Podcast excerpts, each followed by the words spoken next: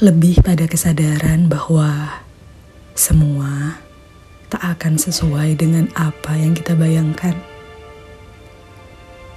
Berekspektasi sekian, tapi yang datang hanya sebagian. Harapan kadang semenyebalkan itu. Perjuangan kadang malah disalah arti sebagai kesia-siaan. Padahal berjuang dan berharap tentunya berbeda definisi. Bisa jadi sebab terlalu seringnya menggeleng-geleng kepala tanda tak habis pikir.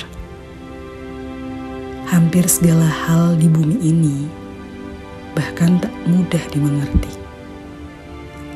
Mencari maknanya sama dengan menanti pelangi di kala senja mendung.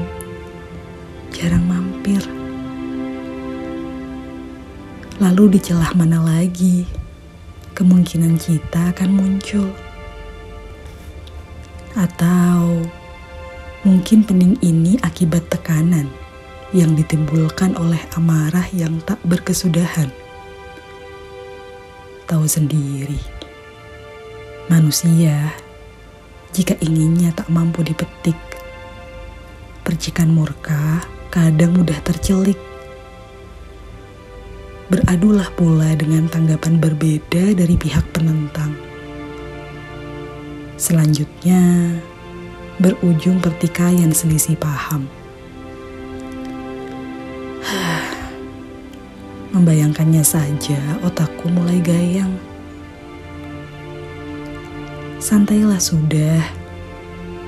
Memikirkannya terus-menerus malah membuatmu semakin tak bisa membedakan mana itu sedia, mana itu tandas. Ujung-ujungnya, malah berakhir dengan sesal yang sama.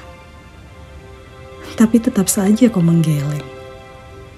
Katamu enggan beradu bisu dengan sendu. Hmm, baiklah, aku bisa apa selain mengangguk patuh? Kau ini, sejak lalu kau berkata mencari obat untuk peningmu. Namun kusembuhkan dengan nasihat rasa tenang, kau tak mau.